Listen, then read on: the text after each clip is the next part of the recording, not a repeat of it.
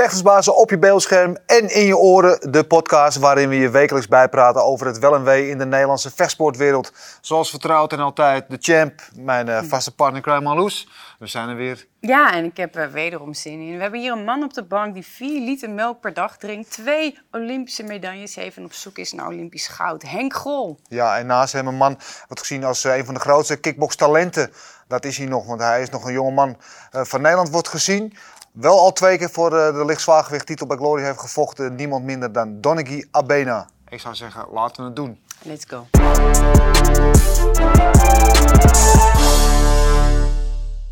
Heren, welkom op de Money Green Sofa. Goed dat jullie er zijn. Allereerst die 4 liter melk per dag. Heb je dan ook een eigen koe in de tuin staan? Ja, zeker. Een hele grote, zo'n bonte.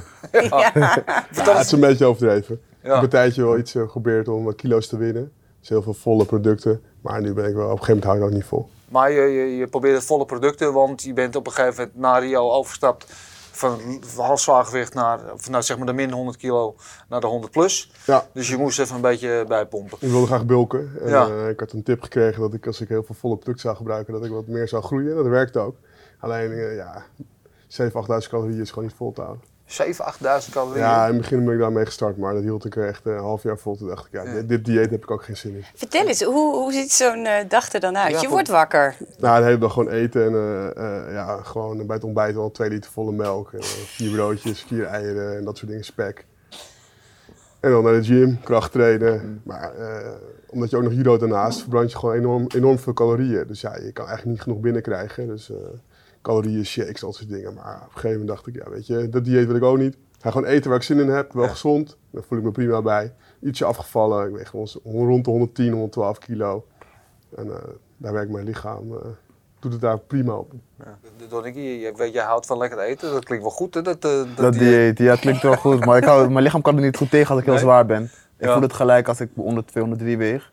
Dus het liefst loop ik gewoon rond op 100 kilo's. Ja, want jij die- vecht op 95 kilo. Ik wacht op 95, ja. Ja. En als je, als je zoveel, zoveel eet, wat gebeurt er dan met je?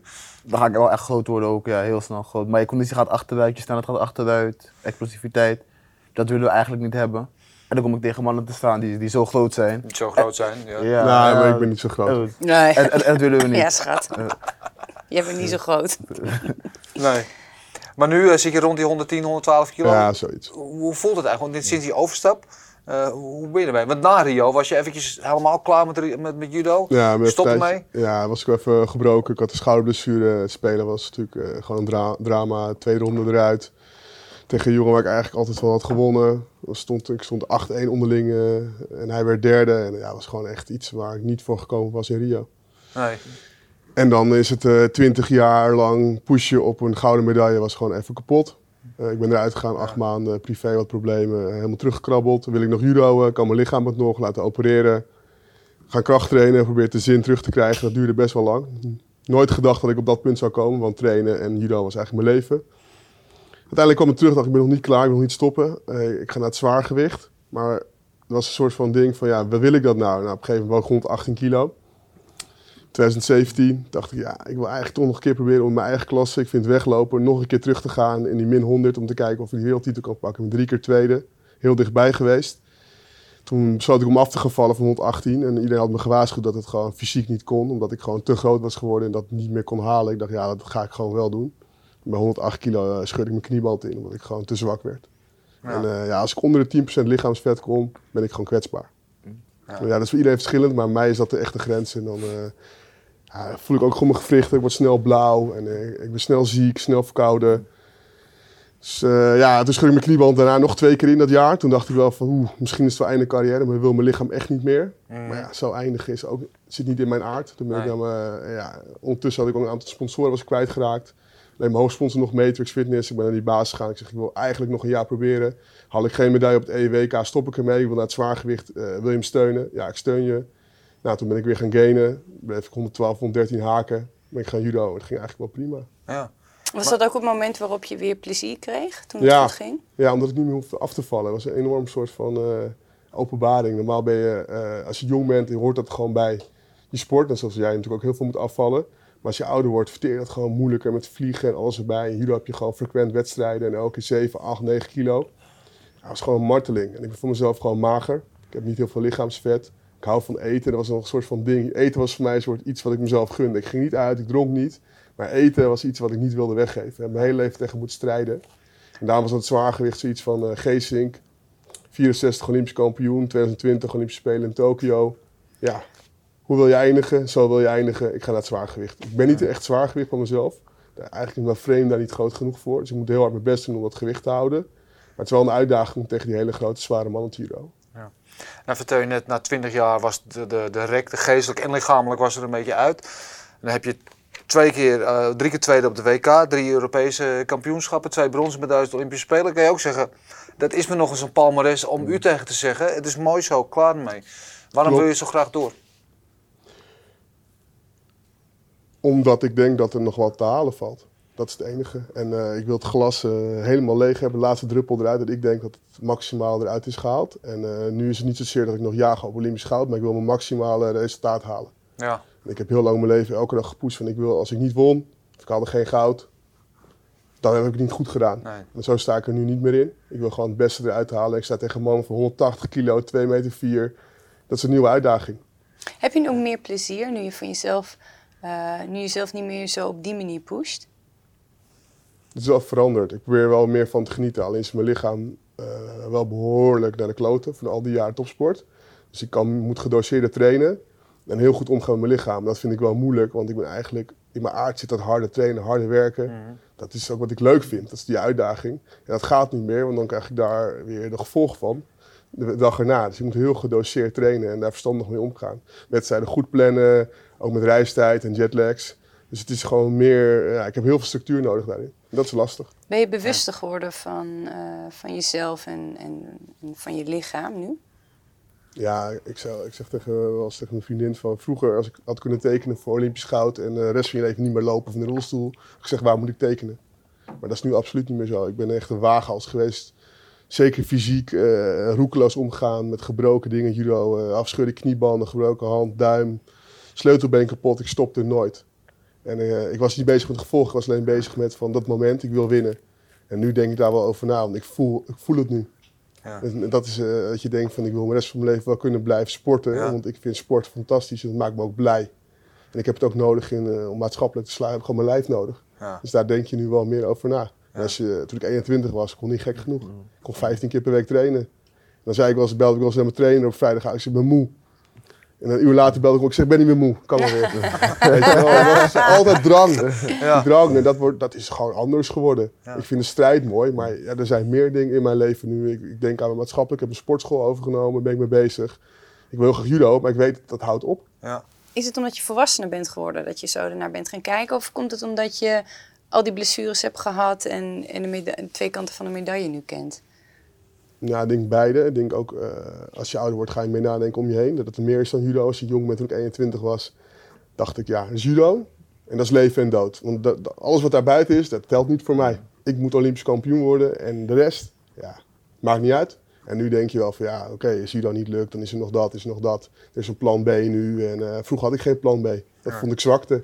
Plan B was, was een soort van eh, makkelijke weg. Op, ja, het is alleen plan A. Ja. Alles voor judo. En alles wat in de weg staat, knippen we eraf en zorgen dat het eh, maximaal eh, eruit wordt gehaald. Ja. Donnie, ik zie jou een paar keer heel instemmend knikken op zijn verhaal. Wat, wat herken je in zijn verhaal? Dat altijd willen trainen, dat hongerig zijn naar meer. Dat altijd nog wel een keer extra. En ehm, werken met gebroken dingen, dat soort dingen, dat ken ik ook wel. Dat Altijd- zien we ook. Ja, dat zie je ook, ja, tuurlijk. Maar ook gewoon dat je, ook heb je pijn of zo, gewoon toch doorgaan. Toch nog net iets te ver gaan dan wat je eigenlijk kan. Ja, niet vaak genoeg naar je lichaam luisteren. Ik loop niet vaak gewoon naar je lichaam luisteren. En toch gewoon, is echt die drang. Die drang om te presteren. En dat heb ik zelf ook gewoon heel erg. Ik wil presteren, zoals hij zei. Alles aan de kant zetten om het ene doel te halen. Ja. Wat is dat ene doel bij jou? Bij mij voor nu is het als eerste titel natuurlijk. Mhm. En vanuit daar ga ik verder kijken naar wat ik nog meer kan en wil doen later. Maar dat, daar denk ik nog niet, nog niet aan. Het is nu gewoon echt puur, gewoon puur de titel pakken. Ja. Maar Henk, Henk vertelt net, als ik geen, eh, vroeger stond erin, als ik geen gouden medaille haal bij de Olympische Spelen, is het voor mij mislukt. Eh, is het bij jou ook zo? Als jij geen wereldkampioen wordt, is het dan alles eh, voor niks geweest? Nee, natuurlijk niet alles, is niet. alles is voor niets geweest. Maar het is wel, zal wel echt een grote teleurstelling zijn. En dan ben je toch niet helemaal tevreden over wat je hebt gedaan, wat je hebt gepresteerd. Dus dan moet ik toch nog wel nog een extra stapje erbovenop doen om het toch wel te krijgen, ja. En je doel is om eh, de jongste eh, wereldkampioen bij Glory te worden. Ja, nu nog anderhalf jaar als ik het goed heb. ja, ja zoiets ja, ongeveer. Ehm, geef je dat extra druk? Nee, totaal niet. Totaal niet. Ik weet dat ik goed heb gepresteerd. Tegen Vakito heb ik goed gepresteerd. Maar laatste wedstrijd heb ik niet zo goed gepresteerd. Maar ik weet nog wel dat ik wel, nog wel genoeg partijen aankomen. Aankomend jaar. Om wel gewoon te presteren. En om wel gewoon die titelkans te krijgen. En als ik die titelkans krijg, ga ik nog meer mijn best doen om het toch te krijgen. Om toch te, te gaan voor mijn doel. Even over die wedstrijd tegen Fakitov. eh was in, eh, in juni volgens mij. hè? Ja, juni, in- Parijs. In Parijs. Fakitov wordt gezien als de ongenaakbare, misschien bijna onverslaanbare kampioen in die klasse. Dan kom jij, jong broekie, 21, gaat tegen de grote favoriet. Dan zet je een partij bij waar je misschien de titel bijna ruikt. Dat je echt denkt van, ik, zie, ik kan hem al bijna aanraken. Eh, je wint hem niet, wat je ervan mag vinden. Maar eh, wat heeft het jou geleerd, die partij, dat je zegt van nou, weet je, ik kan nu al op dit niveau mee? Of, dan leer je gewoon je kwaliteiten kennen en dan leer je jezelf ook kennen. En dan zie je ook wel dat de training die je hebt gedaan, de voorbereiding die je naartoe hebt gedaan om het te halen, dat die ook wel echt belangrijk zijn. Dat je dan gewoon in één keer pap van niets en eens tegen de favoriet vecht. En ook een goede partij neerzet Wat heb je over jezelf geleerd in die partij dan? in die partij. Dat ik toch wel bij de, echt bij de absolute top hoor gewoon van de wereld. Gewoon echt bij de top, top ja, misschien wel pound voor pound tot top 10, zoiets. Dus heeft je zelfvertrouwen gegeven? Ja, sowieso, ja. De Of een trainingen... bevestiging? Ja, bevestiging, ja. Ik wist het zelf ook al wel. Maar als je het toch op beeld ziet, is het toch anders. Als je toch in het hoofd van de leeuw bent, dan weet je van... Ik sta er toch wel en ik ben toch wel het mannetje dat ik denk te zijn. Ondanks dat ik het er niet heb gepakt die avond. Dan krijg je vrij snel daarna, krijg je, eh, je krijgt alom lof na die wedstrijd, dat je het goed hebt gedaan onder Ja. ze verlies. Dan krijg je vrij snel daarna krijg je een, een herkansing eigenlijk in je schoot geworpen. Ja, want ik was zelf was op vakantie. Ik had, na, daarna had ik niet meer getraind ook. Ik was eh, bijna een maand in Suriname. Word ik in Suriname word ik gebeld van... Ja, jij moet, moet misschien, misschien vechten. Ik denk van, oh, oké, ja, ja, ja, prima, weet je. Je, wil- je wilt het- die bittere smaak uit je mond. Van niet de titel pakken, wil je gewoon zo snel mogelijk wegspoelen. En dan neem je je wedstrijd aan dat het eigenlijk te snel is. Waarbij je lichaam niet voldoende is kunnen rusten. Ja. En dan bereid je je gewoon voor, je komt terug, bereid je je voor. Dan merk je al daar, als je begint te trainen, dat er iets niet klopt aan je lichaam, je hebt pijn. Maar je denkt van ja, ik heb altijd pijn, weet je. Ik ben gewend om te presteren onder pijn, dus dat is geen erg. En dan ga je trainen en op een gegeven moment dan heb je zoveel pijn dat je trainingen gaat missen. Maar de tijd gaat toch wel door en het was heel kort op elkaar. Misschien vijf, zes weken toen ik het hoorde en dat ik moest vechten. En dan voor, voor je het weet bij de wedstrijd waar je je niet goed hebt kunnen voorbereiden. Hoe ging je toen die ring in? De ding, ja, ik ben dingen ingegaan met gebroken hand. Maar in je hoofd? Maar mijn hoofd, in, mijn hoofd, in mijn hoofd was ik altijd goed. Gewoon bijna supreme confidence. Ik ben ook niet bang voor een tegenstander of een persoon. Dan ga ik wel met goed gevoel die dingen in. Maar als je eenmaal in de ring staat, is het toch wel, is toch wel anders dan als je je goed hebt voorbereid. Ja. Want Wat die was er voorbereiding anders? met Kun je dat vak- vertellen? Je bent trager natuurlijk, je beweegt trager, je bent iets minder scherp. Dus je ziet bepaalde dingen je niet aankomen. Sommige stoten die je geeft, die mis je. Terwijl je normaal gesproken weet van normaal is die gewoon raak. En die afstandmeter wordt ook anders natuurlijk, want volgende keer tegen een lange persoon. Die afstandmeter is natuurlijk heel anders.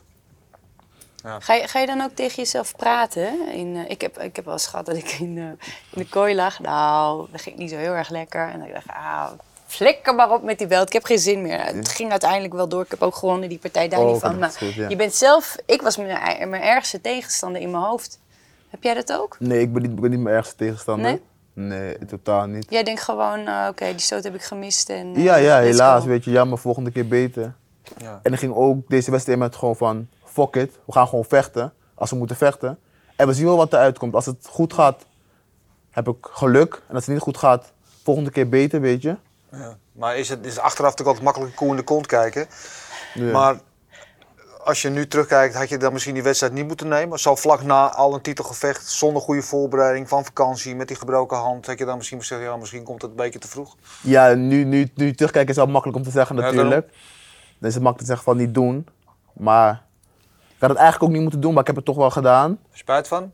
Spijt van, nee, het was, het was natuurlijk een leuke, leuke ervaring. Niet de knockout misschien, maar wel gewoon de weg naartoe is altijd leuk. Om mezelf toch wat te zien groeien. En ook te zien dat je bijvoorbeeld binnen zes weken van helemaal niet trainen, dat toch wel top bent. Dan kan je ook zien dat de mensen om je heen, dus gewoon zoals Sander, Sander Tonhouser en Mike, die hun twee met wie met wie werk ik voornamelijk samen, kan je toch wel zien van dat je in een korte tijd wel echt iets kan neerzetten. Gewoon qua fysiek, qua kickboksen. Tegen een van wel de meest gevaarlijkste mannen van de wereld. Ja. Dus dat is Ja. eigenlijk weer een bevestiging eh, voor jezelf. Ja, ik zie het nu wel als een bevestiging. Van, ik kan toch wel meedraaien, want als ik naar andere boys kijk die tegen hem hebben gevochten, die kwamen gewoon volledig goed uitgerust tegen hem te staan. En werden weer de eerste ronde werden ze eruit geblazen. En dan, ik kom met de halve voorbereiding geblesseerd, derde ronde. Dan weet ik ook al van, als ik die rematch tegen hem krijg, waarvan ik, waarvan ik ook al van uitga dat Glory dat voor me, dat, dat voor me gaat regelen, dat ik hem dan toch wel gewoon echt van de kaart ga blazen. Zeker. Ja, ja, lacht, maar je, je hebt ook wel eens eh, eh, op, de, op de mat gestaan met eh, nou, gescheurde kruisbanden, gescheurde bilspieren. Geen kruisband, maar Ja, maar-. Ja, sorry, ja. Maar ook wel eens dat je daar denk op die mat lag tegen van, nou, misschien had ik het beter niet kunnen doen. Zo vaak spijt gehad. Maar als je, moet geen spijt hebben en als je er staat, dan is het Nee. gewoon alles of niks. Ja, ik was heel eigenwijs toen ik jong was. Dus eh Ja. luister niet naar mijn orthopeed. En dan eh, ging ik toch judo. Ik ben een gebroken duim, moet je niet meer judo. En toch doen, gips eraf. En haalde ik wel de finale, alleen ja, ik heb nu gewoon een duim die niet meer normaal is. Ja, er zitten wel gevolgen, consequenties aan gedrag, hè. Is de kleine prijs die je ervoor betaalt. Ja, nou goed, weet je, je hoopt gewoon als je uiteindelijk stopt met topsport, dat je gewoon normaal kan functioneren. Maar er zijn ook judoka's die dat niet meer kunnen. En dat is natuurlijk wel iets waar ik nu wel voor uitkijk. Wat zie je dan bij de judoka's die... Nou, ik zag geen naam noemen, maar daar, daar, daar word je natuurlijk eh, mentaal niet beter van. Kijk, Als je in hart en nieren een sporter bent, een sportman, dan wil je natuurlijk gewoon kunnen blijven sporten. En dat, dat is je, je, je, je passie, maar ook je energie. Als ik dat niet meer zou kunnen, dan zou het leven er wel somber uitzien. Dus ja, dat wil ik wel proberen te voorkomen. Wat ik al zeg, het is niet meer ultiem, die, eh, nog een Olympische medaille. Ik wil het heel graag, Ja. maar niet meer eh, dat ik daardoor invalide raak of niet meer normaal zou kunnen functioneren in het dagelijks leven. Dat heb ik er niet voor over. Nee. Ben je niet bang dat je nu dat idee een beetje op loslijken, dat je die, dat heilige vuur, die drive die had, dat je die misschien een beetje kwijtraakt? Nee, als je die, hetzelfde ding als je een mat van ring op gaat, weet je, in een stadion. Dan kan je nergens meer aan denken. Nee. Dan staat die man daar tegenover je en dan moet je gewoon strijden. Dat is wat het is. En al dat soort randzaken, ja, je bent gewoon bezig met overleven. Ja. Ik zeg al tegen mensen, weet je, ook heb je pijn, als iemand achter je kind aanloopt met een mes, dan kan je ook rennen met een gebroken been. En dat gevoel kan je denk ik oproepen in de ring, omdat je daar zoveel jaar, zoveel voor hebt gedaan, zoveel pijn voor hebt geleden, kan je dat extra stapje maken in de ring. En ik geloof heel erg in dat je, zoals mentaal, dat moet je kracht. trainen, die spier, dat train je elke Ja. dag. Door discipline, maar ook door de pijn die je oploopt in trainingen en daarmee leert omgaan. Ja. En dat is iets wat je sterk maakt als, als topatleet, als vechter. Daarom als kickbokser jarenlang hard trainen. Want dan weet je wat er gebeurt als je hè, een stomp op je gezicht krijgt. Als ik er krijg, dan, eh, dan ben ik klaar. Maar jij kan ermee omgaan, omdat je het gewend bent. Hetzelfde met judo. Ja, andersom als je hem in een heupzwaai neemt, weet je Wow. ook niet wat er gebeurt. Doe maar even niet. Ja, nee, maar ja, Ben je weet je, lucht kwijt, hoor. je ook soms ook hard vallen iemand op je dat je als je Ja. het niet gewend bent, dan ben je je lucht kwijt. En Ja. dan eh, ja, moet je daar ook op reageren. Of je wordt heel moe. Je hebt ook wel eens dat je een wedstrijd begint. Dat iedereen de ene dag dan begin je en dan zit je in de flow en dan is alles raak. Elke stoot, schop is raak. Bij judo is dat ook. Dan, kijk, dan gooi je bijvoorbeeld iemand in het begin en daarna denk je, jezus, nog 3,5 minuut, maar mijn hartslag is 180. Hoe kan dat nou? Ik ben getraind. Ja. Ja, dan moet je overleven. Dat zo, er zit een spanning in je lijf en dat is dan niet te verklaren. Maar ja, Ja. zo werkt dat. En men- ja, probeer eens uit te leggen aan mensen. Zeggen mensen, ja, je, je bent zo moe. Hoe kan dat nou? Je bent pas 20 seconden bezig. Maar ja, als je verkrampt bent, bent dan ja, is dat lastig. Ja, waar komt het vandaan bij jou, die, die overlevingsdrang, die, die, dat doorzettingsvermogen? Heb je dat altijd al gehad?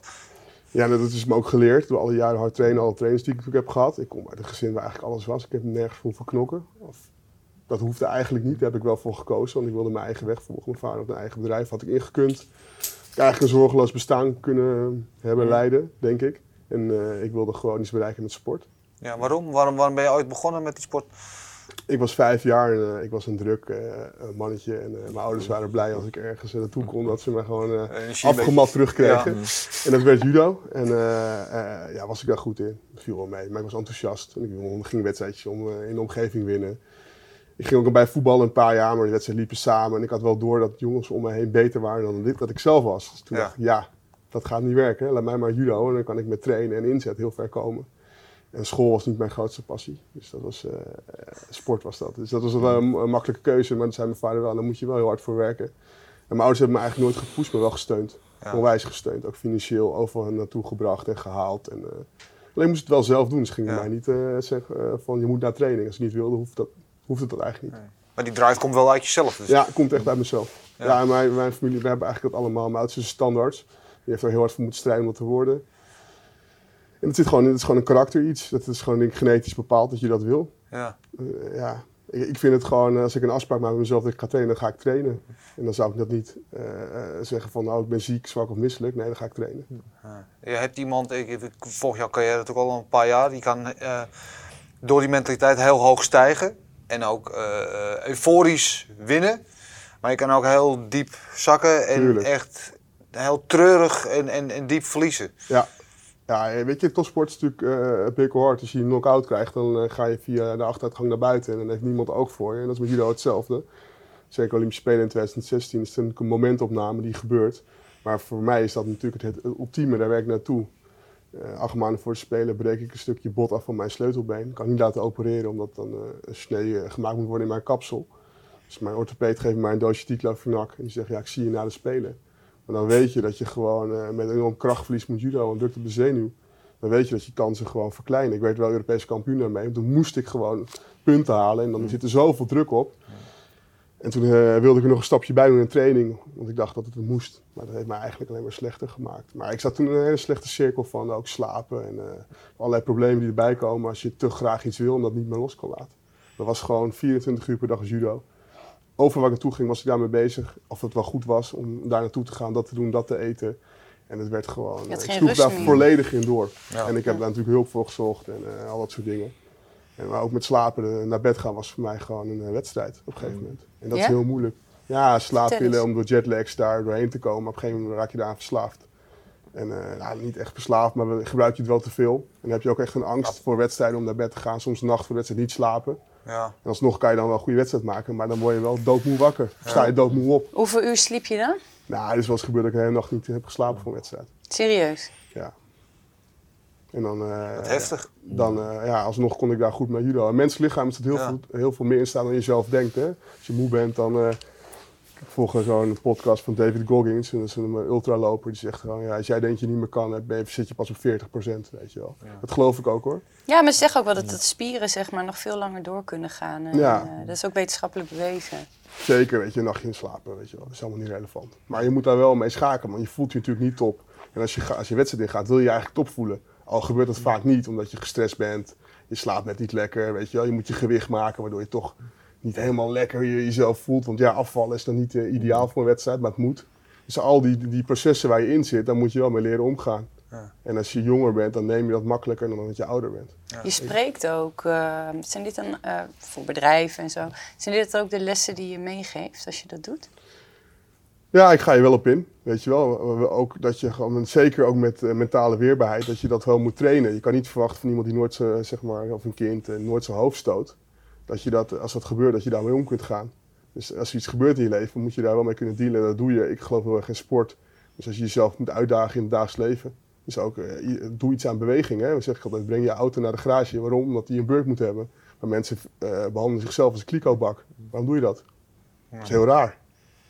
Ja, dat soort dingen, eh, ja, dat leer je natuurlijk als topsporter. Dat je je lichaam is natuurlijk super belangrijk. Maar ook je discipline. Je weet gewoon, als je gewoon cons- consistent bent in trainingen, dat je, daar gewoon, dat, dat je dat terugkrijgt. En ook uiteindelijk als het moeilijk wordt, ja, dan geloof ik heel erg, hij noemt het dan de, de, de, de, cookie jar. Dat hij Ja. gewoon een cookiebox heeft, dat hij daar een koekje uit kan halen. Want dat heeft hij verzameld door al die jaren hard werken. Ja. En daar geloof ik wel in, als je er goed over nadenkt. Dat is natuurlijk wel een loon naar hard werken. Ja. En eh, ja, hard work beats everything. Daar geloof ik gewoon enorm in.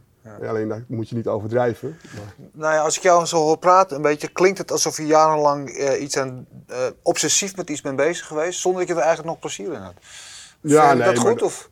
ja, dat klopt wel. Ja, op een gegeven moment is niet meer, het was niet meer voor plezier. Het was gewoon winnen. Ja. En of dat leuk of eh, leuk was, nee, het was niet leuk. Maar bleef je dan nog wel plezier aan winnen? Ja, ja daar kon ik wel van genieten. Ja. Ik ja, wilde heel erg Nee. graag kunnen zeggen tegen de rest van de mensen, ik ben de beste van de wereld. Dat heb ik nooit Ja. kunnen zeggen. En dan kwam ik wel eens ergens binnen en zeiden mensen, ja, hij is een vice-wereldkampioen, hij gaat Olympisch kampioen worden. Dat werd een soort obsessie. Ja. Ik kon er niet tegen met zei, je bent vice-wereldkampioen. Dat was voor mij een soort van afgang. En dan ging ik mezelf altijd straffen. Als ik dan verloor, dan ging ik, eh, vloog, als ik dan thuis kwam, ging ik gelijk trainen. Dan ging een kraantje lekker, dan ging ik 50 keer die berg op. Dan was ik uren weg om mezelf pijn te doen. Maar dat sloeg nergens op. Dat hielp ook niet. Maar het hielp het gevoel waar jij het over had. Dat gevoel, dat wilde ik kwijt. Want ik kon het niet kwijt, want judo niet elke week een wedstrijd. Dus daar moest ik ergens kwijtraken. Dat ik gewoon geleven. Maar ik dacht altijd dat die vrouw op de hoek, die zeg maar achter de kassen zat bij de bakker, dat die ook wist dat ik had Giro. Dat is natuurlijk onzin. Maar zo voelde ik me. Overal kwam dacht ik, nou, die vinden me echt een loser dat ik verloren heb, weet je wel. Dat is natuurlijk onzin, maar je kan jezelf, weet je, wil jezelf onder, onder, liefst onder een steen gaan zitten, maar dat werkt niet. Dus je moet daar zelf gewoon weer mee leren dealen. En was het dan jezelf dat je zo hard ging trainen? Was het dat je jezelf pijn wilde doen omdat je die, door middel van de- die pijn voelde dat je daarmee je verlies verwerkt? Ja, ja, dat vond ik wel fijn, ja, mezelf pijn te doen. Ook extreme harde krachttraining, een soort circuitvorm, Oost-Duitse manier van training. Ja, dat vond ik geweldig. En het liefst nog met mensen erbij die dan naar de kloten gingen. En dan, jij nog ja, dan, kon ik, dan dacht ik van, ah, hij heeft het veel slechter dan ik het heb. Dus ook met hardlopen dacht ik altijd, ja, hij, is, hij is kapot en dan kan ik, kan, ik kan het beter verdragen. Dat heb ik nog steeds. Als ik ga krachttrainen en ik heb mensen mee, dat vind ik fijn. Dan denk ik, ja, hij heeft het veel slechter. Dat is prima zo. Het slaat nergens op. Nee, maar je, je meet eigenlijk jezelf af aan anderen, terwijl het vanuit jezelf natuurlijk moet komen. En je Ja. bent de hele tijd met jezelf ook bezig. Ja, maar ik, ik, hield ik haalde daar altijd een soort van energie uit. Ook judo-training, al mensen echt... Dat, is, dat gebeurt bij jou natuurlijk ook. Je wil laten zien dat je de baas bent. Ja, vroeger had ik het nog erger. Als ik, nu niet kon, als ik niet kon winnen, smeet ik iemand door de muur. Tegen de muur aan of gaf een keer een klap of iets. Om laten zien van ik ben de baas. Maar je hebt ook dagen, dan raak je niks. Dan word je geraakt door eigenlijk iemand die veel minder is van niveau. Maar ja, dan lukt het gewoon even niet. En dan wil ik dat oplossen met vechten. Ging, heel vaak ging dat fout, dan raakte ik geblesseerd. Ja. En judo één keer fout vallen, betekent weer een blessure. Dus mijn coach zat, oh, rustig, rustig. En dan uh, wil ik proberen, ja, je moet nu naar huis. Nee, ik wil niet naar huis, ik wil nog een paar. En daar, heb ik heel, daar is heel veel mee fout gegaan. Want ja, roekeloos in judo is, betekent gewoon dat, dat je echt met je, met je lichaam speelt. Ja. Roekeloos. We- we hebben zitten- Het programma heet Vechtersbazen. Het slaat ook wel een beetje op jou, hè, toch? Je, dat was jij vroeger ook wel, toch? Ja, Vechtersbaas. zeker. Ja, vechtersbaas zeker. Nog steeds wel, maar nu is het Ja, anders. maar nu doe je het in de ring. Nu is het anders, ja, nu is het Ja, maar anders. vroeger deed je het ergens anders. Ja, gewoon op straat veel vechten natuurlijk. Ruzies uitzoeken, confrontaties opzoeken. Ja. Natuurlijk, voor mij was het niet zo Ja. natuurlijk. Waarom was het voor jou natuurlijk? Doe- ik weet van mezelf heb ik veel energie ook. En ook wel, erg- ben soms ook wel redelijk agressief. Ja. En dan als jonge tiener, puber, ja, dan moet je het ergens kwijt. En als je dat nog niet hebt, Ja. dan ga je gewoon met vrienden zeggen van, hé, hey, ja, doe dit of doe dat. Of als je dit doet, dan dit. Dan ben je zo, ben je tof, zulke dingen. Maar waar kwam het vandaan, Ja. die woede en die frustratie? Die woede die komt denk ik van mijn jeugd of van het, of van het opgroeien. In moeilijke situaties komen. Mhm. Geen vader hebben natuurlijk, Nee. wel pleeggezinnen gezeten. Ja. Hoe oud was je toen je in de pleeggezin kwam? Toen was ik zes. Daar heb, Oh, ik wel jong lang, al. heb, heb ik wel lang gezeten natuurlijk. Maar het is ook, is ook een moeite van niet kunnen praten met mensen. Niet je gevoelens kunnen uiten. Ja. En onbegrepen voelen denk ik ook. En ik ben iemand, moet niet echt te praten, weet je. Dus dan wordt het gelijk fysiek. En toen ik eenmaal begon te trainen, ging het wel weg natuurlijk. Begon ik ook in één keer van twee keer per week, ging ik opeens naar vijf keer per week trainen. Mhm. En dat maakte het een beetje goed. Dat feit dat ik niet echt goed kon praten en me onbegrepen voelde. En als je dan tegen een bokzak slaat, gaat ook alle, gaat ook alle woede eruit. Maar dan hoef je niet je mond open te trekken. Nee. Dan kan je gewoon gaan. Gewoon losgaan op de zak. Maar ja, als je vijf bent of zes bent, dus je, dan is het ook moeilijk om je te uiten natuurlijk wat er nou precies door je heen gaat. Eh, ehm, wat was de situatie? Kan je, daar- kan je daar kort wat over vertellen? Ja, zeker. Ik ben in Nederland gekomen. En mijn vader is in Suriname gebleven. En hij is daar ook overleden toen ik zes was. En mijn moeder is ziek geworden in Nederland. En dan ga je naar pleeggezinnen, leefgroepen, instellingen. En dan van het een komt het ander eigenlijk. Ja. Ja, van de een komt, nou ja, dit, dit, dit- Ja, voor voor jou is het voor mij is een, het- een, voor mij normaal, weet je. Want ik ben weer opgegroeid natuurlijk, maar voor andere mensen natuurlijk heel anders. Ja. Heftig lijkt me. Ja. weet je. Ik kom uit een heel warm gezin. Ik ben heel blij dat ik mijn beide ouders heb. Dat ze altijd voor me klaarstaan, wat er ook gebeurt. Ja. Als Nou, ik je dat heb, niet hebt, is het wel heel heftig. Ja, ik had ook wel een warm pleeggezin ook, die echt goed voor mij hebben gezorgd natuurlijk. ja. Maar het is toch altijd net iets anders. En vooral als je puber begint te worden, dan begin je toch wel meer verschillen te zien. Qua, niet, niet alleen qua uiterlijk, maar ook gewoon qua doen. En dingen die je hoort van familieleden, zulke dingen. ja. Dat is toch een wel Nederlands anders. pleeggezin? Ja, Hollands pleeggezin, ja, Hollands pleeggezin, ja. Maar, zo, maar als ik eh, zo jou hoor, dan is vechtsport ook wel een beetje je redding geweest. Ja, voor mij zeker weten. Voor mij zeker is het echt mijn redding geweest. Ja. Want het is gewoon een kwestie van uiten van je agressie, van je energie. En daarvoor word je wel echt rustig. En ik merk nu ook, als ik bijvoorbeeld een paar weken niet train, dan begin ik wel, eh, begin ik wel druk te worden, zeg maar. Ja? Je hebt Ja, het nog steeds wel een beetje nodig? Ja, zeker, ja, Ja, zeker. Maar is, is het bij Mike ook echt... eh, judo is echt een kliek. We hebben een club. En Ja. vroeger zat er allemaal in Haarlem. Nu ook, als ik, ik ben een sportschool aan het verbouwen, dan heb ik allemaal mensen die ik ken en die willen, we helpen ook elkaar allemaal. Ja. Als er shit is, weet je wel, of iemand heeft wat, dan staan we gewoon, ook al spelen elkaar twee Ja. jaar niet als ik iemand bel, dan, gaan we, dan helpen we elkaar. Ja. Het is echt een soort van vechtsportding. Terwijl we niet echt vrienden zijn, maar wel als er iets is, helpen we eh, elkaar. Hoe, is dat, hoe is dat bij jullie? Bij ons, de- bij ons hebben we ook, ook wel gewoon een groep. Gewoon, dus als ik bijvoorbeeld iets, iets nodig heb of iets wil weten, dan kan ik de boys gewoon vragen van hey, dit of dat, zus of zo. En hoe doe jij dit, hoe doe jij dat en hoe ga je hiermee om? En we zijn wel gewoon echt goed met elkaar. Dus bijvoorbeeld ik en Jussi, we geven elkaar boeken om ons toch mentaal ook verder te laten groeien. Ontwikkelen, ja. Ja, laat verder laten ontwikkelen. En dan probeer ook gewoon, boys proberen elkaar ook mee te nemen in de trainingen, zeg maar, van... Hé, hey, waar train je vandaag? Ja, vandaag train ik hier. Oh, ja, kom je mee? Ja, is goed. Om elkaar toch steeds verder te brengen. Maar hoe is, is Mike ook echt een vader voor jou dan, of niet? Nee, voor mij is het meer Sander. Sander, oké. Sander, ja, want ik train bijna elke dag met hem. ja. Sander Tonhuis, Sander ook een, Tonhuis, eh, een, eh, ja, MMA-pionier toch? wel? MMA pionier, ja, veel mensen, veel mensen knock-out geslagen. En het meeste train ik gewoon met hem. Gewoon wel vier, vijf dagen per week. Als er iets is, dan ga ik als eerst naar hem toe. Dat herken ik wel. Als ik shit heb, dan Ja. ben ik ook met trainer. Terwijl. Af en toe is het ook een moeilijke relatie, maar ja, ik heb, als je twintig jaar met iemand Ja. werkt, dan is dat toch heel anders dan alle andere relaties die je hebt. Dat is heel raar. Ik bel altijd mijn trainer als ik wat heb. Ja, ik ook, als ik ook zakelijk, ja, het gaat helemaal niet goed of zo, dan bel ik hem. Ja. Dat slaat helemaal Ja. nergens Nee, op. maar Ja. dat is jouw Is eerste... een vertrouwenspersoon ja. natuurlijk. Ja. Ja. Je bouwt een band op met elkaar en je weet dat je ook op elkaar kan rekenen. Dus als ik iets heb, Sander, 100%.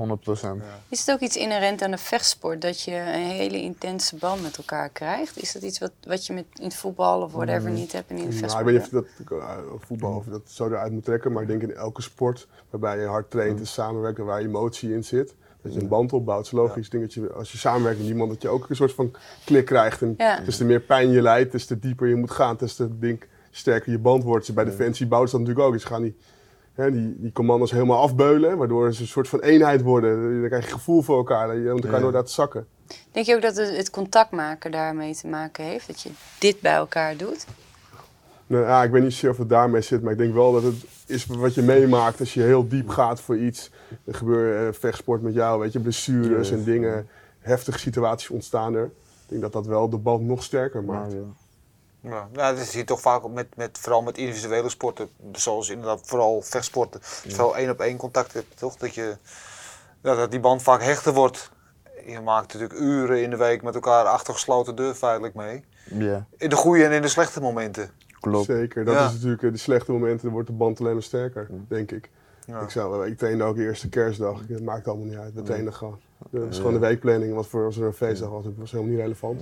Er werd gewoon getraind, ik had een krachttrainer die inmiddels weg is, zei ja weet je, we moeten gewoon trainen. Als de eerste kerst is, doet de rest niks, gaan wij trainen. Nou, dat Ja. vond ik geweldig. Ja. Herman de Brot, ik, nou, echt, dat, dat was gewoon muziek in mijn oren. Ja. Nou, maar jij eh, refereert even aan dat familiegevoel wat je dan in de gym hebt. Jij uit een gebroken gezin, althans toch een beetje ontheemd van pleeggezin naar pleeggezin. Dat je de vierde sport misschien ook wel een beetje dat familiegevoel hebt gevonden. Die band met je trainer of met je teamgenoten. Ja, nou, niet echt eigenlijk. Wel af en toe met u- individuele personen wordt het wel gewoon echt goed. Maar het is meer gewoon echt een uitlaatklep geweest voor mij. Ja. Gewoon echt een uitlaatklep. Alle energie eruit, alle boosheid eruit. Hoe was dat de eerste keer eruit. De eerste keer trainen. Beetje onwennig, omdat ik nog niet goed wist hoe of wat. Nee. Maar het vond, ik vond het wel gelijk leuk. Gewoon wel echt direct van, oké, laten, we gewoon, laten we het gewoon gaan doen. En gewoon trainen. En dan van het een komt het ander, opeens mag je vechten. Dan denk je van, oh, ik ga vechten. Pap, pap. En dan mag je de tweede wedstrijd doen. Dan hoor je opeens, ja, je mag zeven vecht- twee partijen vechten. Dan ga je weer harder trainen. En dan, na één zeven heb ik eigenlijk aangevochten. Dan krijg je gewoon eh, via, via, via, krijg je gewoon A-klasse partijen vechten. En dan doe je dat gewoon en dan zet je gewoon iets Ja. neer, weet je. Dat is ook bizar.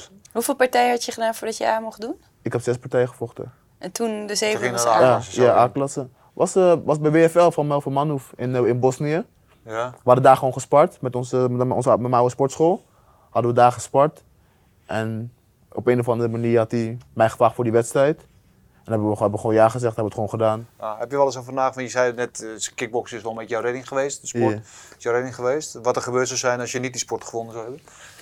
Ja, ligt er dan als ik rustig zou zijn, dus kon worden, zou ik gewoon mijn HBO-diploma halen. Ja. Of eh, universiteitsdiploma, gewoon een bachelor of een master. Of ik zou vastzitten, ja. Ja, Eén ja van die maar, twee, ja. Hey, Wat maar mag je weet, zeggen? alles bestaat niet. Alles, alles, Maar alles ja, maar je, zou, zegt als, ik rustig zou blijven, maar je zegt net ik heb die rust gevonden via die sport. Sport, ja, dus maar als je ook- sport niet hebt gehad, is ook een kwestie van niet... leeftijd misschien. Misschien Ja. als ik opeens achter zou ik misschien rustig, opeens rustig worden. Dat weet je natuurlijk niet. Dat is een, een scenario die je bedenkt in je hoofd. Van wat als. Maar zoals hij zegt, ja, als, Ja. als, als. Nou, gelukkig zullen we het nooit weten, want je hebt de sport wel gevonden. Dan zie ik je nu je verhaal te vertellen. Daar zijn we allemaal heel blij om natuurlijk. Ja, hoe staat het er nu voor met je? Nu, als eerste is het herstellen voor mij. Zodat mijn hand gewoon goed is. Ja, Zodat alle blessures weg zijn. En dan ga ik gewoon diep in de traintjes gewoon weer echt hard trainen. En hopen op mijn remix met Pereira natuurlijk. En voor de rest van de man in de divisie, ik weet niet wat jullie zijn, maar begin gewoon te trainen. Want ik kom er wel echt aan. Kijk, we gaan uh, mensen roepen hier. Noem maar naam hoor. Gewoon. Ja. Iedereen, nee, ik ga geen namen noemen, alleen Pereira heb ik nu. Ja. Pereira, jou zie ik nog snel, Puto. Ja. En voor de rest, Waarom noem je specifiek Pereira? Dan mijn laatste partij natuurlijk. Mhm. Want voor m- mijn gevoel is nu van dat hij zichzelf goed voelt. Ja, Dat hij tegen mij heeft, gevoel, dat hij van mij heeft gewonnen in, een- in mijn divisie. ja. Terwijl ik 60% was 70%. En dat moet natuurlijk wel even weggezet worden. Dus en hij was dat, dus hij heeft nu die, die, het kruis op zijn ding op zijn rug. Ja, hij heeft een target op zijn rug. Ja. Nou, hij heeft wel een slechte versie van jou gewonnen. Van de hele slechte versie. Van de hele slechte versie. En voor de rest van die mensen in de divisie maakt het niet uit. Gewoon, gewoon klaar zijn. Gewoon echt klaar zijn, want ik kom eraan. Mijn En je hebt nog anderhalf jaar. Hoeveel partijen wil je doen voordat je voor de titel gaat? Als ik terugkom, ben ik eigenlijk in principe gelijk voor de titel. Ik, denk niet, ik weet niet of dat gaat lukken, maar als het kan, zo snel mogelijk. Ik heb niet, ik heb niet nog drie, vier partijen nodig per se.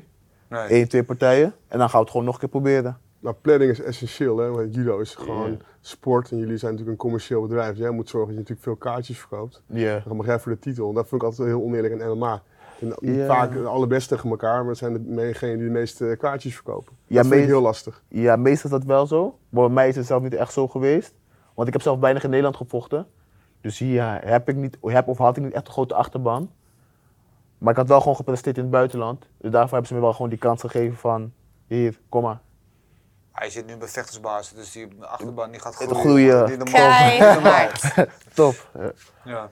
Ik zie jou de hele tijd, ik- hij vertelt zijn verhaal, ik zie jou de hele tijd lachen. Jij, jij herkent volgens mij veel van jezelf hierin, of niet? Nou, hij is gewoon jong en eh, hij wil graag. Dat vind ik Ja. sowieso leuk om te horen. Ik hou niet van mensen die twijfelen. Nee. Je gaat ervoor of niet. En dan, eh, alleen dat ik al zei, ja, eh, ik weet dan mijn compagnon Ratio Darpignan dat het heel moeilijk is. Je zit in, in Bellator, weet je wel. Het is ook het is getouwtrekken om de juiste partijen te krijgen. Je moet elke keer een stapje verder. Je moet heel erg goed nadenken wat je doet. En een één foute move en je verliest en je bent weer Niet terug, ja. wat helemaal naar achteren gegooid. En dat is bij judo gewoon anders. Ja. Dat werkt het wel iets makkelijker. Dan hoef je daar eigenlijk niet zo over na te denken. Je hebt gewoon wedstrijden, EK, WK en dan moet je gewoon presteren. Ja, ja. En dat is gewoon eerlijk. Iedereen gaat, doet gewoon mee en klaar. Ja.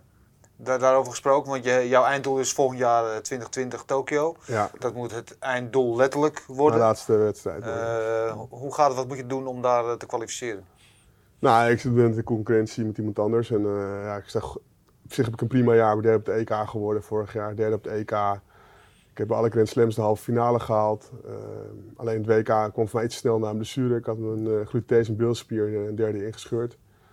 Waardoor ik heel kort kon trainen voor het WK. En ik heb gewoon veel fysiek nodig tegen die hele zware gasten. Ik moet het gewoon hebben van conditie.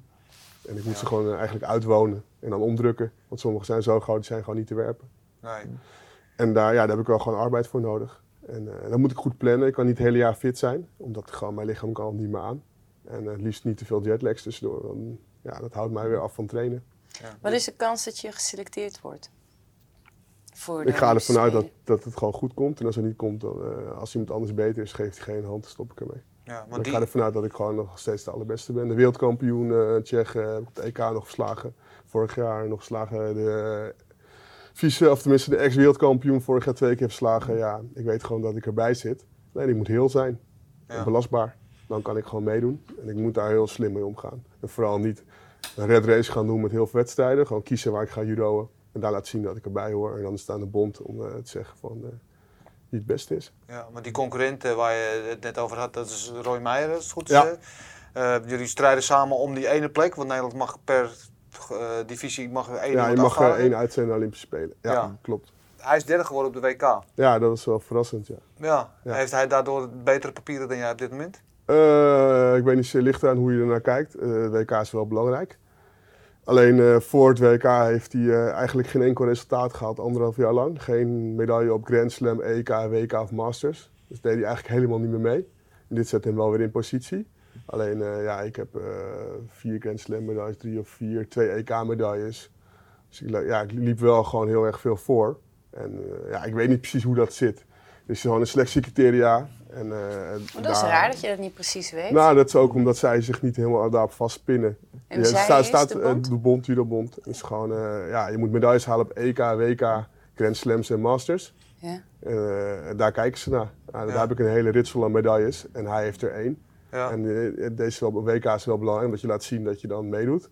Ja, ik had niet een hele goede voorbereiding, geen excuus. Ik was daar niet goed genoeg. En nu ga ik gewoon wedstrijden hier om te laten zien wat ik nog in me heb. Ja. En uh, ja, als, anders, als hij uh, nu drie toernooien wint en ik uh, win drie keer niks, dan is hij de beste. Ja. Maar dat gaat niet gebeuren. Dus. Er komen nog een aantal belangrijke wedstrijden aan dan natuurlijk, ja. de Grand Slams en... en... Ja, Masters. Er zijn nog twee Masters voor de WK, voor de Olympische Spelen. Dus er zijn heel veel punten nog te verdienen. Ja. Dus het is nu ook een beetje, ja, die ranglijst nu wel iets, is ook wat belangrijker geworden. Ja. Dus, zijn dat dan de dingen die de doorslag geven? Want als je zegt, nou, hij heeft eigenlijk heeft dan misschien vanwege die WK-medaille nu de overhand, maar jij uit, uit historisch oogpunt weer meer gepresteerd. Het is Nou, hetzelfde dat heb de een weegschaal eerder een beetje in balans hangt. Wat Ja. gaan, zijn, zijn dat dan de factoren die meegespeeld? Nou, weet je, ik hou me gewoon echt bij mezelf. En eh, ik vind dat hij een hele knappe prestatie heeft geleverd op het WK. Eh, ja, kijk, ik heb zo'n eerlijst, hij heeft één medaille. Ik als we dat tegen elkaar af gaan stellen, Ja. ja. Staaf Ze- tegen Goliath. eh, hij is eh, 28, voor mij 28, ik ben 34. eh. Ja. Ja, je kan er van alles over zeggen. Het gaat er gewoon om dat het is niet beslist. En het gaat om eh, de komende wedstrijden, de resultaten die daar gehaald worden. De selectie loopt door tot volgend jaar mei. Ja, er zijn nog wel 15 wedstrijden. En daar ga ik gewoon keuzes maken waar ik ga judoën. En ik ga laten zien dat ik eh, absoluut de wereldtop ben. En ik verwacht gewoon dat ik geselecteerd ga worden Olympische Spelen ga. Jullie, ik, misschien vergis ik me hoe je over praat, zijn jullie volgens mij geen vrienden. Eh, nee, wij zijn geen vrienden. Ik ben sowieso eh, geen vrienden met tegenstanders. Nee. Maar ik ben ook geen vriend van hem, nee. Maar ik respecteer zijn resultaat. vind het heel knap. Oké. Heb jij, ben jij wel eens vrienden met je tegenstander? Mm, Nee, niet Daar echt. moet je net te lang over nadenken. nee, zijn niet, niet Hoef echt je niet vrienden. politiek correcte antwoorden. Nee, nee, ik zijn niet echt vrienden, weet je. Je hebt wel vechten die je gewoon respecteert natuurlijk. Maar dat is het ook echt. Ik zou nu niet geen vrienden kunnen worden met een van de mensen in de, in de ranglijst. Dat zou echt niet kunnen. Dat is echt een no-go. Maar dat wil je ook niet, want je wil gewoon dat helemaal niet hebben. Je wil gewoon strijden. Ja. En ik heb helemaal geen zin om een gevoel bij te hebben bij iemand. En eh, ik vind, eh, al dat soort mensen vragen dat, weet je wel. Het moet altijd vriendschappelijk. Ja, wat is nou vriendschappelijk? Bij voetbal schoppen we elkaar onder het gras. En dan moet ik maar vrienden zijn met iedereen. Ik heb daar helemaal niks mee. Nee. Ja, sorry. heb, jij dat, heb je dat nodig? Sommige vechters of, of atleten hebben het nodig ook om een beetje een hekel te hebben aan een tegenstander. Om Ja, boos maar- te zijn. Of... Maar dat soort emoties, daar kan je niks mee. Dat Nee. werkt ook niet in een wedstrijd. Dat, dat, dat neem je niet mee. Nee. Ik kan van tevoren wel denken, ik vind het een eikel. Ja. Want iedereen die in de weg staat, vind ik een eikel. Ja, ga aan de kant, want ik wilde op het podium staan. Maar ik, hoef, ja, ik, ik geef iemand een hand en klaar. Het is gewoon een eh, judo is een edele vechtsport. Ja, voor de rest, eh, ik ga niet bij iemand op de koffie. Nee, ga ik niet Nee. dus u hoeft hem niet te haten, maar u hoeft ook niet te dichtbij. Ik heb ook, ik heb ook geen haat. Nee. Dat heb ik eh, naar niemand. Nee, Daar heb ik sowieso niks mee. Gelukkig. haat. Wat is haat? ja. Nee, is een verspilde emotie vind ik. Ja. Maar, ja. Ja. Jij houdt wel van die, van, van, van die andere vechtsport ook. Je bent een liefhebber, hè? Ja, ik, ik kijk heel veel boksen, MMA, vooral heel veel MMA, kickboksen eh, regelmatig. Ja, ik vind het wel eh, leuk om te zien. Ja. Ja. Nooit Ja, ik zo... Dezelfde ik- neiging gehad om dan die kant op te gaan? Nou ja, ik ben wel eens gepost om eh, overstappen. Ook eh, heel lang geleden, UFC mij was gepost. 2008. Ja. Ja, het ging net wat verdienen met judo. Het was toen voor mij lucratiever. Ik, wa- ik was ambitieuzer, ze hebben spelen. Ik had toen kunnen winnen. Ik wilde wereldkampioen worden. Dat was een verkeerd moment.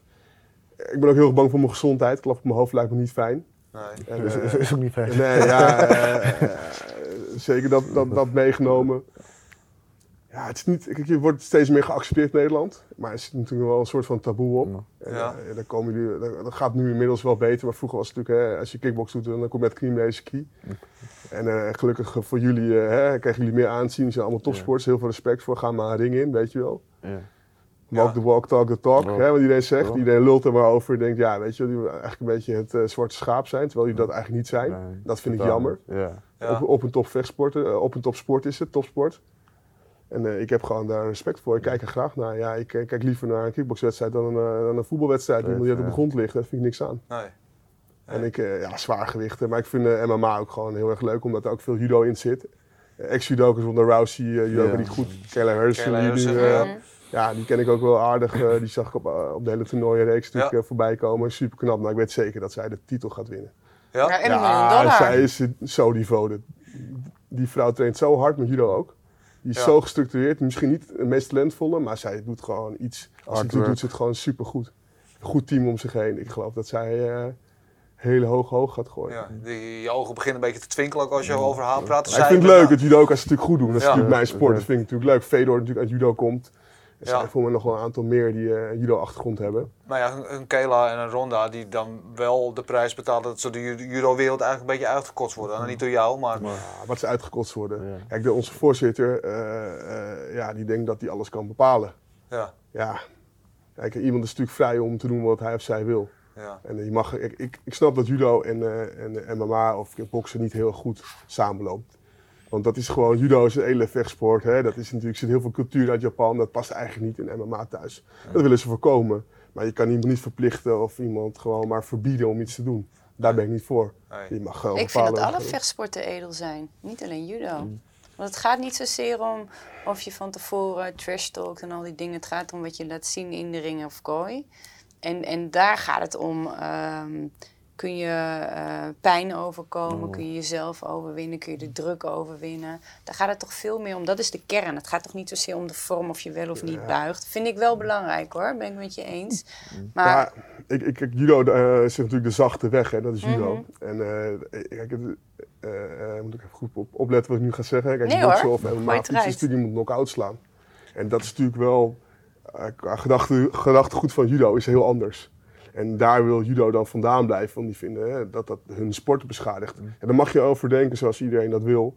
Dat ik al zei, kijk, ik vind vechtsport heel erg mooi. Ik heb daar helemaal geen problemen mee. Het enige wat ik zelf zou hebben is dat ik eh, bang ben om een hersenbeschadiging op te lopen. Maar ik vind knokken mooi. Ja. Eh, klaar, dat zit in mijn aard. En Mm. dat komt wel een beetje. Mijn judo-stijl is ook knokken. En iemand gewoon achterna zitten. Een soort Pac-Man ben ik. Dat is wat ik leuk vind. Weet je wel, ik wil iemand graag helemaal ik heb je ringnaam al hoor. Ja, dus daarin vind ik ook vechters die dat doen in in de ring of eh, in de octagon vind ik mooi. Omdat die iemand achterna zit die voor de knockout gaan. Ik vind een puntenboxer vind ik niet leuk om Nee, te kijken. Nee. Maar ik vind iemand die komt voor de knockout vind ik wel leuk. Als je Ja, ook om wat- te vechten. Nee. Wat zijn met name vechters eh, uit welke discipline dan ook die je leuk vindt om naar te kijken? Ja, sowieso ook gasten die een beetje... Ik vind Badr natuurlijk gewoon vechtstijl heel leuk. Ik vind eh, Conor McGregor leuk. Ja. Ja. Eh, zijn- Musashi kijk ik altijd, omdat ik vind Musashi eh, beweegt zo fantastisch goed. En ik heb ook een paar keer met hem mogen trainen. En dan Ja. is hij een beetje mijn spelen. En ik denk, jezus man, hij heeft zo'n goed gevoel van ruimte. Afstand. En eh, afstand, hoe je... Dat vind ik gewoon super knap, weet je. Zo technisch eh, kunnen vechten. Maar ook het van, van staan naar de grond, wat die judo ook is. Hoe handig je daarmee omgaat zonder park, hoe je voet vastpakken. Dat vind ik heel leuk. Ja, en iedereen die natuurlijk nu die, eh even zijn eh, moeilijke naam, die nieuwe middleweight die we hebben, die Adesanya. Adesanya. Dat zijn- Ja, jezus man, niet normaal. Hoe Ja, hij beweegt en een klap ontwijkt. Geweldige eh, walkout had hij trouwens ook. Ja. maar Ja. je ik vind Alistair, ook leuk Ja. om te kijken. Ik ben natuurlijk wel chauvinist, dus ik vind Nederlanders heel erg leuk. Dus hoeven we, ja, ik hoop altijd Nederlanders winnen. Daar ga ik natuurlijk voor. En, eh, nou ja, ik hoop dat uh, Dat eh, hier het de ook. nieuwe, oh, misschien ooit UFC. Ik kijk veel MMA, dus ik hoop Ja. dat je ooit ook de MMA-ring in gaat. Ja, is dat wat voor jou? Wil je ooit die overstap maken? Ja, lijkt me, wel, lijkt me wel tof, ja. Ik heb wel vaak gehoord dat het wel bij me zou passen. Waarom zou dat dan bij jou passen? Wat zien mensen in je? Omdat een beetje worstelen, want anders moet ik er maar een beetje bij. eh, Ja, Ja, ik kom ik kom graag langs. Ja, ik kom graag, ik is kom, ik kom eh, graag langs. Ja, Ja. man, is goed. Ja. Maar waarom zou het bij je passen? Omdat ik heb, ik heb wel een paar keer worstellessen gehad. Toen kreeg ik een blessure, toen moest ik ermee stoppen. Maar ik vind het ook gewoon leuk om nieuwe dingen te leren. Om altijd de beste te zijn. Om perfectionist te zijn. En op een gegeven moment heb je bij het kickbox, als je een paar keer titel hebt verdedigd, heb je denk ik wel alles bereikt. Je kan misschien in gewicht omhoog gaan. Wat ik waarschijnlijk ook wel ga doen, maar dat weet ik nog niet zeker. En dan moet je gewoon iets anders gaan doen. Melk en, drinken. Wat zei je? Melk drinken. Ja, maar eh, hoe, hoe- wat is jouw lengte? Ik ben 1,92. Ja. Ja, die zijn ongeveer hetzelfde. dan, toch? Ja. Ja, ik ben 1,90. Ja. Nou, hem is kan natuurlijk makkelijk 10 kilo bij. Ja. is niet zo moeilijk. Maar eh, de vraag is, ja... eh, Weet je dat? En Ja. bij mij is het natuurlijk, ja, dat worstelen Anders. is natuurlijk essentieel. Dus ja, ik zou altijd zeggen, doe er een beetje worstelen bij. Dan ga je niet Ja. zomaar even leren. Heb je dat ook met. Sander daarover? Ja, met Sander heb ik het heel vaak over. Met, zullen we dit een keertje gaan worstelen? Of, ja, box lijkt me ook wel leuk. En hij steunt me daar ook wel gewoon in. Ja. En hij, bekijkt- hij kijkt ook gewoon van, wat kan je wel doen, wat kan je niet doen. Zullen we een keer hier naartoe gaan, zullen we een keer daar naartoe gaan. Dus daarbij is hij wel geen die ook gewoon echt meedenkt. ja. Nou, die kan je ook wel het een en ander leren. Ja, en dan daarin Ja. goed, eh, goed ook in begeleiden natuurlijk. Ja, klopt zeker. Ja. Hij is ook een MMA-vechter geweest natuurlijk. En ik heb nog niet met hem kunnen worstelen, door, door, door blessure. Ja. Maar zodra ik het kan doen, ga ik het, ga ik het ook echt gelijk doen. Ja, heb ik hem ook al gezegd. Ga ik even in de klem leggen. "Hey, we zullen zien. Dat is, wel, geva- dat is altijd gevaarlijk als je niet, dat, eh die Moelis het ook wel weet, Ja. als je niet gewend bent om te worstelen en je gaat het wel doen dat je die reacties niet hebt. Op je knie is altijd gevaarlijk, Leuk. worstelen, eh, sleutelbeen, dat soort dingen. Ja. Dat je niet goed kan valbreken. Ja. Dus altijd, eh, des te eerder je mee begint, des te beter het is. Ja, En af en toe gewoon frequent doen, waardoor je gewoon een soort van routine opbouwt. Gewoon om reflexen. reflex trainen. Iemand die zeker heel goed kan worstelen, Ja. dat is een feit. En die ook aardig goed kan valbreken, dat is Bert. En Bert heeft weer een hele mooie vlog voor ons gemaakt. Ik zou zeggen, Bert, beuk hem er maar in. Tadaa! Lieve mensen, Bentje Kops hier voor Vechtersbaas, voor Spike TV. En zoals gewoonlijk ga ik altijd terugblikken op het afgelopen weekend van de Bellator-partijen en de UFC-partijen. En ik ga beginnen met de Bellator-partijen die in Amerika waren. Met als main event onze eigen Costello tegen de Amerikaan John Salter. Nou, de partij verliep niet zo zoals het had moeten lopen voor Costello in de eerste ronde. Hij liet zich takedown en hij liet zich naar de grond toe brengen. En op de grond was de Amerikaan gewoon iets sterker. Maar in de derde ronde kwam Costello ongelooflijk goed terug met zijn knieën, met zijn stoten. En hij wist het Amerikaan heel erg lastig te maken. Jammer genoeg was het net te kort tijd voor een overwinning. Want Costello verloor deze partij op een decision. Dan gaan we gelijk door naar de UFC in Moskou. Die was ook afgelopen weekend. En ik ga hem beperken tot de main event tussen Magomed Shapirov en de Amerikaan Qatar. Nou, ook dit werd een hele mooie partij. En eh Magomed Shapirov die wist deze partij ruimschoots te winnen op decision. En eh, jammer genoeg waren het geen vijf ronden in verband met een infectieziekte van Magomed Shapirov. Dus drie ronden werden afgesproken en die drie ronden werden gevochten en de Rus werd winnaar verklaard. En nu gaan we ook even gelijk voor vooruitblikken op aankomende weekend. En dan hebben we weer een Bellator in Israël dit keer, in Tel Aviv. En eh, ja, ik ga me ook weer beperken tot een paar partijen. De eerste is de main event tussen de Rus Garitonov tegen de Engelsman Vassel. Het gaat een hele leuke, spannende, zwaargewichtpartij worden, want het zijn alle twee hele goede jongens. Ook op dit evenement vecht eh, een Timo Sassi jongen, een Armeense jongen, Ratcho. En die gaat opnemen tegen ook een hele goede jongen. Dus we gaan het meemaken. Aankomend weekend Bellator. En zoals gezegd hebben we het aankomend weekend ook weer UFC Fight Night 164. En dat speelt zich in Amerika. En ik ga me wederom beperken tot de main event. En die gaat namelijk tussen Jan Blachowicz, de Pool, en de Braziliaan Jacare Sousa. En eh, wat speciaal aan deze partij is, dat is dat Jacare Sousa nu een gewichtklasse hoger gaat. Hij gaat tot light heavyweight. En dan neemt het gelijk op tegen Jan Blachowicz. Dit gaat een hele leuke, spannende partij worden. En we gaan het meemaken. Dit waren mijn voorspellingen deze week voor Vechtersbazen op Spike. Volgende week ga ik weer een nieuwe vlog in Beuken.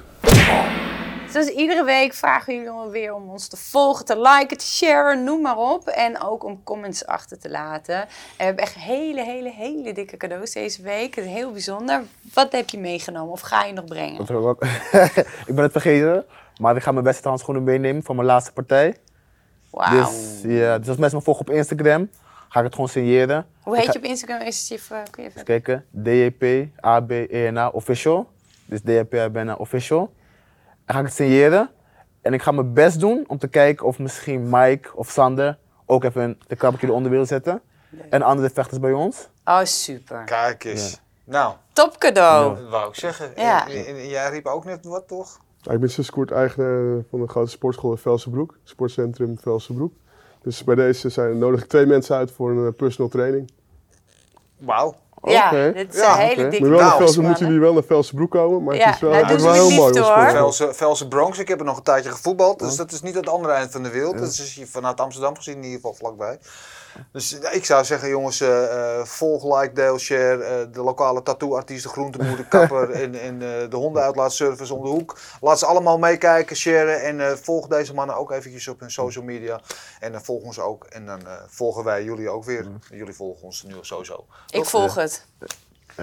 Henk, jij heel veel succes in de Ja. komende tijd en eh, in je poging om in Tokio eh, terecht te komen. We gaan het volgen en eh, ik hoop dat je een, een mooi einddoel gaat bereiken. Zoals je het zelf voor ogen hebt. Ja, ik hoop het. eh, ja, ik ga het zeker een mooi einde worden. Hoe, hoe het ook gaat. eh, ik heb geen uh, meer. Ik heb een prachtige carrière gehad. Met een hele tas vol medailles. Dat wou ik zeggen. En dat pakt Heel mooi, hele mooie dingen mogen meemaken. En wat mensen al zeiden, dat is altijd wel een cliché. Maar de weg, de weg was fantastisch. Dat zou ik zeggen. En dankjewel dat je je verhalen hier met ons wilde delen. Dat geldt ook voor jou, Donnegie. Ja.